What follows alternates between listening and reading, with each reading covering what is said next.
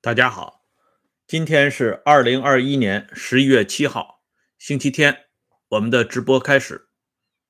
今天这期节目啊，跟刚刚播出的时事感怀啊，周末聊天有一点关联，就是我在上一次直播的时候跟大家说过啊，人们呢，往往是啊被自己所拥护的、衷心拥戴的，或者是热烈奉承的东西。所打倒，这句话实际上翻译一下，就是我们经常讲的一句话：脚上的大镣炮都是自己走出来的啊，人都是被自己打倒的。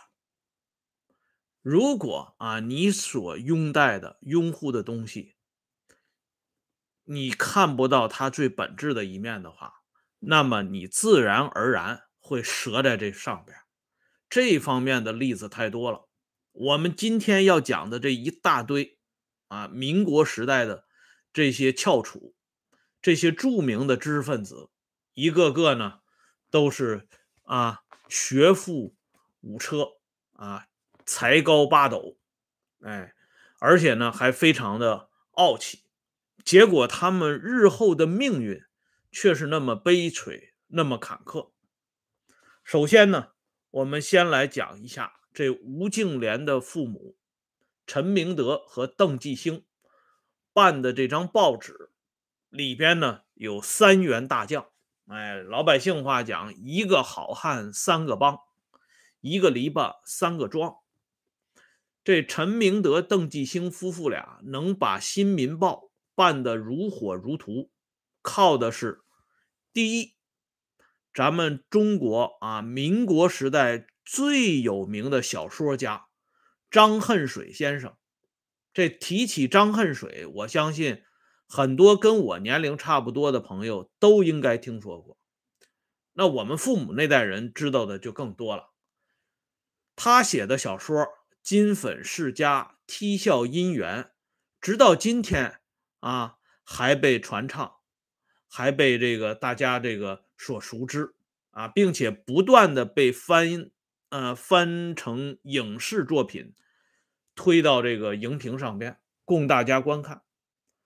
还有一个人呢，叫赵超构，这个人大家可能就不清楚了。这个是著名的记记者啊，回过头来我会给大家介绍一下。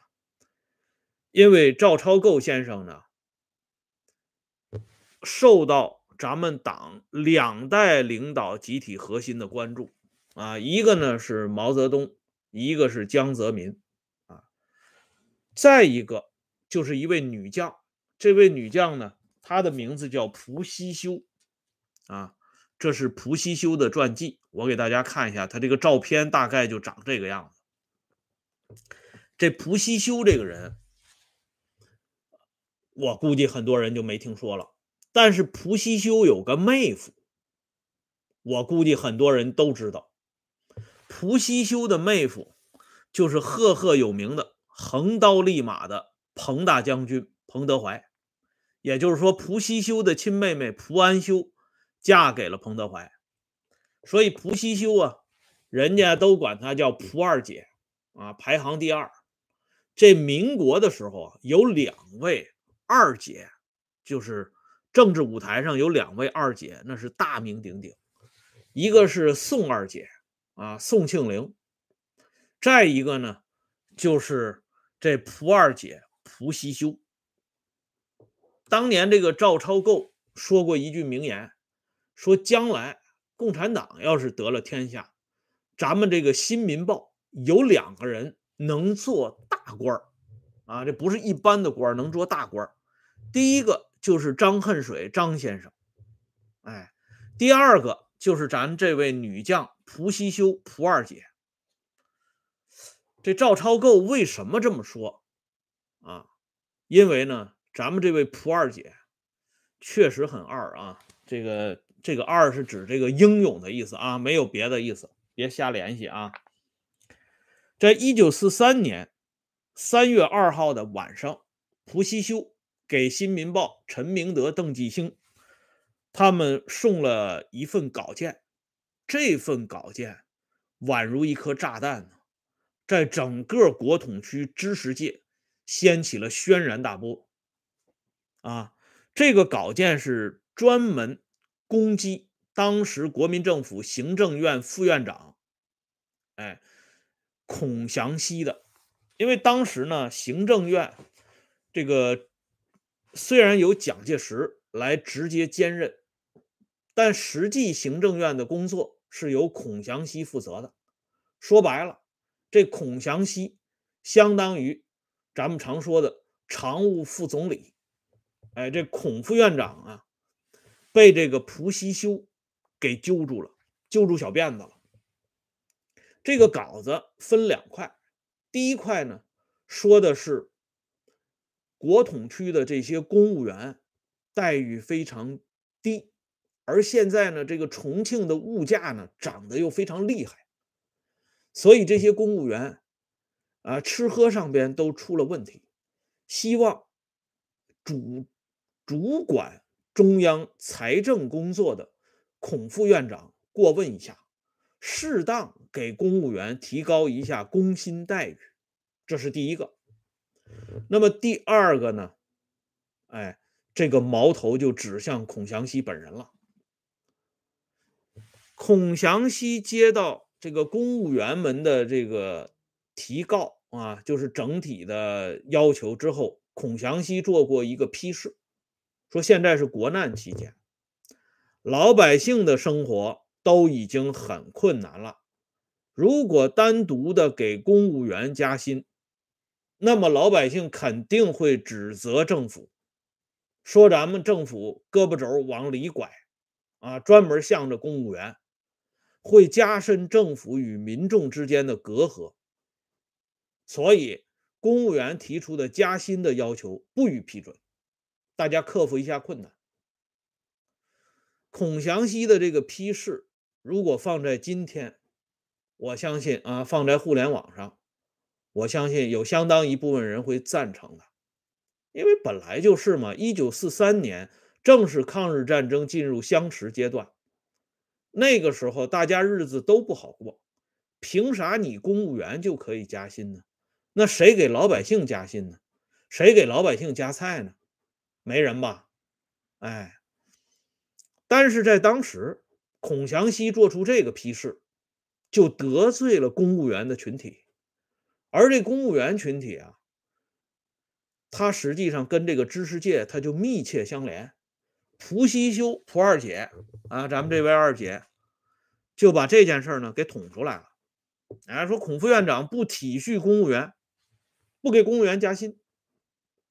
这个人为什么不给公务员加薪？刚才我说的第二条消息就出来了。蒲西修说了，孔副院长现在很忙，忙什么呢？因为他的女儿孔令仪女士要嫁到美国去。其实人家不是要嫁到美国去，不是说找了个外国人啊。孔令仪是跟一个叫陈继恩的，他们两个人结婚，要到美国去结婚。所以这蒲二姐呢？故意混淆这里边的这个关系，这是第一。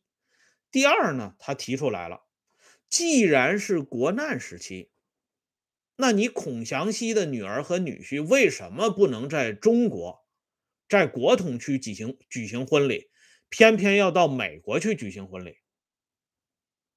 啊，难道中国就没有你们家举行婚礼的地方吗？你一方面不给公务员加薪。你另外一方面让你的女儿女婿到美国去结婚，那花的是谁的钱呢？啊，这是第一个质问。第二个呢，这蒲二姐就开始说了，说听说啊，人家说的很好，听说啊，这属于今天所说的网传啊，网络上的传闻。这孔祥熙的女儿孔令仪为了结婚，准备了一些旗袍，穿着旗袍结婚。保持咱们中华文化传统，但是这些旗袍据说是孔祥熙主管的财政部下边有一个工作队，专门啊加班加点儿给这个孔大小姐赶制出来的。换句话说呢，你孔副院长不给公务员加薪，可是你却拿着这个国家的这个啊薪水给你姑娘加工旗袍，而且说了这个旗袍呢都是一水的香绣啊，还有这背面啊百子图什么什么的，那这些做工、这些人工、这些费用，难道还不足以给咱们公务员加薪吗？就这两条新闻。吴敬琏的老爹陈明德，吴敬琏的老妈邓继兴，看到这个报道之后呢，如获至宝啊，太高兴了。这蒲二姐这个稿件来的太及时了啊，所以马上告诉底下人，这两条消息登头版头条，这属于爆炸性新闻呐，哎。尤其孔祥熙那边连着是谁，大家都知道，宋美龄和蒋介石啊。大家能不看这种抓眼球的新闻吗？啊，可惜那个年代没有自媒体啊。但是当时呢，国民党有一个规定，国民党政府有一个规定啊，就是说所有的新闻报刊杂志要送审啊，专门有一个图书报刊审查委员会。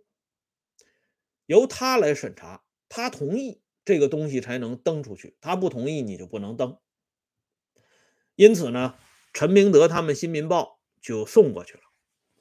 把这消息送过去之后呢，这个国民党当局这报刊审查委员会啊，对这两条新闻做了一个截然不同的处理。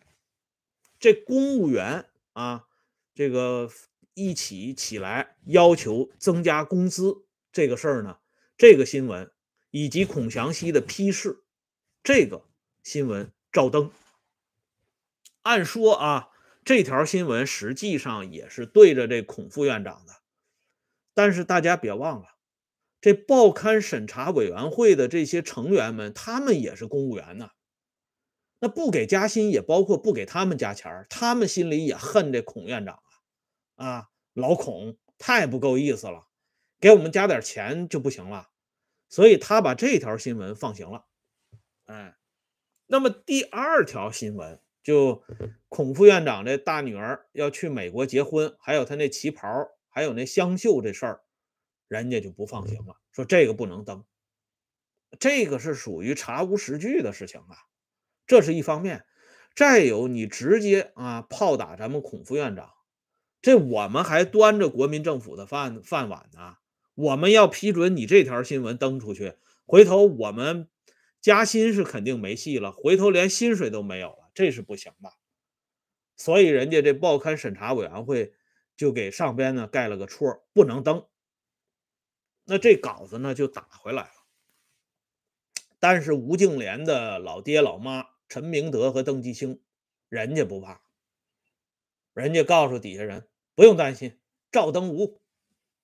那个时候啊，他这个报纸审查啊，不像后来啊，不像朝鲜啊，咱们就说不像朝鲜啊。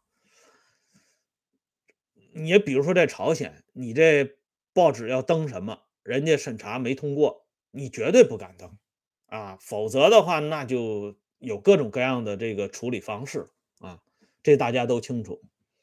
但是在当时，在重庆。他不让你登呢，你还可以登。当然了，登完之后呢，人家肯定会追究你的责任。但是陈明德说没事我们朝里有人啊，就是我们政府里有关系，登就登了。于是呢，这两条消息一下子就登了出来。这一登出来，大家就知道了啊，这力度得有多大。当时大家一看啊。那个时候啊，这个咱们中国人民的觉悟啊，政治觉悟不高，没有像今天朝鲜人民这个觉悟这么高。那时候就是这个一有人这个煽风点火，群众的这个热情就上来了。哎，所以一看这个新闻啊，不给这个普通公职人员加薪，但是呢，孔副院长这女儿啊，还穿着这么漂亮的旗袍，拿着财政部。加工的这个湘绣的百子图什么，到美国去结婚，尤其一听说到美国结婚，这大家就愤怒了。美国是什么地方啊？那是帝国主义国家呀！啊，其实那个时候美国还是咱们中国的盟友啊，支持咱们中国这个打击日本侵略者侵略者。但是老百姓，这人民呢，要不怎么说伟大领袖说群众才是真正的英雄，而我们往往是幼稚可笑的。你觉得人家美国是民呃盟友，群众不这么认为，群众认为美国是咱们的敌人呢，是天敌呀。所以那群众愤怒的小拳头啊都举起来了，这事儿就闹大了。闹大以后呢，这政府当然要追究了。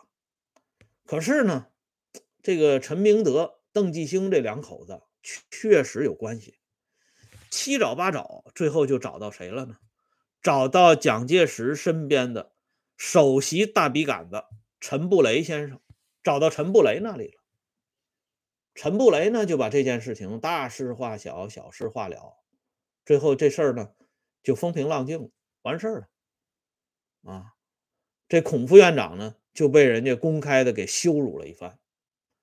说起来啊，这蒋介石与孔祥熙的关系。可不像咱们传统这个教科书里说的那样，杨天石这杨老先生呢，专门去阅读过蒋介石的日记，通过蒋介石的日记的解读呢，写过厚厚的几本书来解读这个蒋介石生平。这里边呢，就专门给我们介绍了蒋介石在日记里啊，是痛骂孔祥熙啊，说庸之。图为本身毁誉，与名位仕途。说这个人就是建立起义。而在后来呢，蒋介石在日记里又写免除孔祥熙中央银行总裁，实为公司兼权、公司兼权与政治经济之成败之最大关键。蒋介石亲手把他的连金孔祥熙给罢官了。连傅斯年都说：“啊，闹孔祥熙闹了八年，这一次终于闹成了，锲而不舍呀。”可是大家都记着啊，这个孔祥熙闹了八年，把孔祥熙闹下台了。可是闹了江青，闹了多少年才把江青给抓下来呢？这个就不能瞎联系了啊！孔祥熙是孔祥熙，江青是江青啊。这个不能随便的混淆这些历史的事实啊！提醒大家一下。所以，我们看一下这个事情呢，由咱们这位蒲二姐啊，始作俑者，首先发难。这就是为什么赵超构先生说这蒲二姐日后啊，党和人民要得了天下，能做大官的原因之一。那这个陈明德和邓继兴两口子还有高招啊！这个高招就是一会儿我们要讲到的。这里呢，我们顺便说一下，当年伟大领袖啊，曾经通过上海市委第一书记啊，也是华东局第一书记柯庆施之口说过一句话。这柯庆施呢？是给中国的知识分子总结了这么一段话。他说：“啊，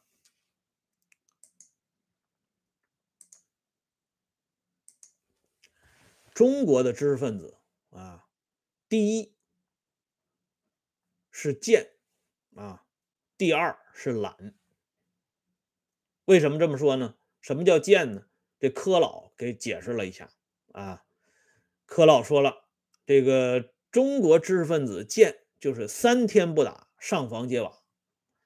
那为什么说懒呢？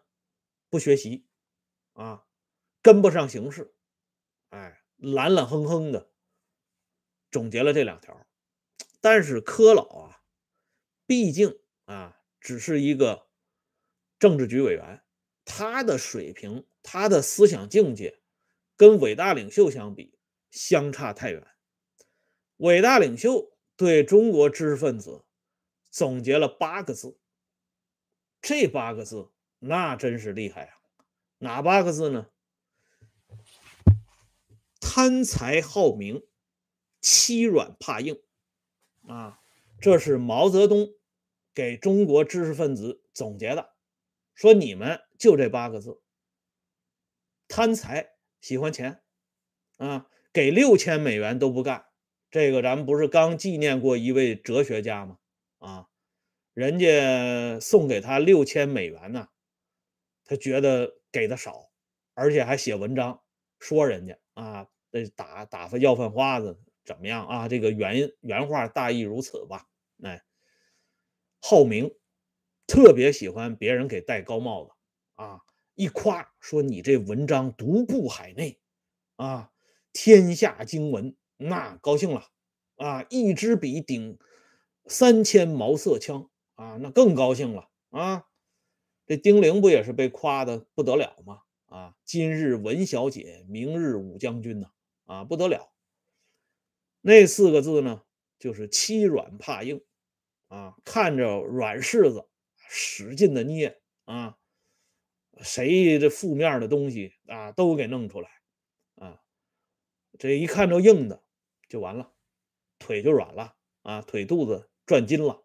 哎，毛泽东呢，就总结了这八个字，所以啊，他掉了一个书袋毛泽东掉了一个书袋啊就是诱之以利，啊，索之以名，临之以威，施之以压。这十六个字，八字方针之后还有十六个字方针。这知识分子的软肋呢，就彻底的被咱们伟大领袖给抓到手里了。这毛泽东玩弄中国知识分子。那真是出神入化呀！这知识分子在他活着的时候就是生不如死，哎，但是在毛嗝屁之后呢，很多知识分子却跪地啊叩拜，继续祭奠这位老大，哎，所以毛的这个总结非常到位，就是用钱啊进行这个。啊，诱导，然后呢，用名气当做枷锁，把它锁住。啊，临之以威，什么叫临之以威啊要有足够的威风，你威风凛凛，所以知识分子一看不敢碰了。施之以压，什么叫施之以压？经常敲打。哎，柯老不是说了吗？三天不打，上房揭瓦。所以经常要打，乖也得打，不乖更得打。这就是毛泽东总结的这这套东西。那么，咱们再回过头来看看，这位被赵超构先生称之为啊日后会做大官的普二姐，没有做大官，日后成了人民的大敌了啊！她有一个男朋友，这个男朋友名气也不减于咱们的彭总，谁呢？罗隆基啊，当年最有名的大右派分子罗隆基，而且到今天都没有给改正。这是右派最后硕果仅存的几位。这蒲西修跟罗隆基同居了十年，这感情特别的深。但是后来呢，蒲西修公然站起来，当众揭发自己的同居男友罗隆基。哎，当然他自己也完蛋了啊！蒲西修自己也完蛋了，哎，所以呢，咱们回过头来看一下，蒲西修当年勇敢的攻击孔副院长和他的女儿时候的那股子威风，在党和人民面前已经消失的无影无踪了。这样，我们回忆起伟大领袖和革命导师的那番啊。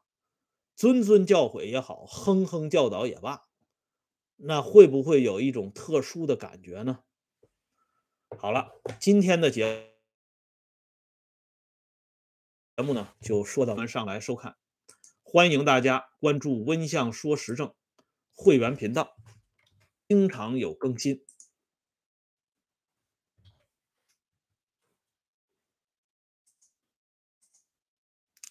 不过呢，这个话题还没有完全讲完，因为蒲西修啊，咱们这蒲二姐，她后边的这个后台老板啊，陈明德、邓继兴两口子，他们到了一九四九年新中国之后，他们的命运是什么呢？而他在民国的后期，一个国大代表，一个立法委员，他们是如何对待栽培他们的国民政府和国民党的呢？又应了伟大领袖的那八字方针了啊！到时候呢，我们一起来看一看。今天就说到这里了，再见。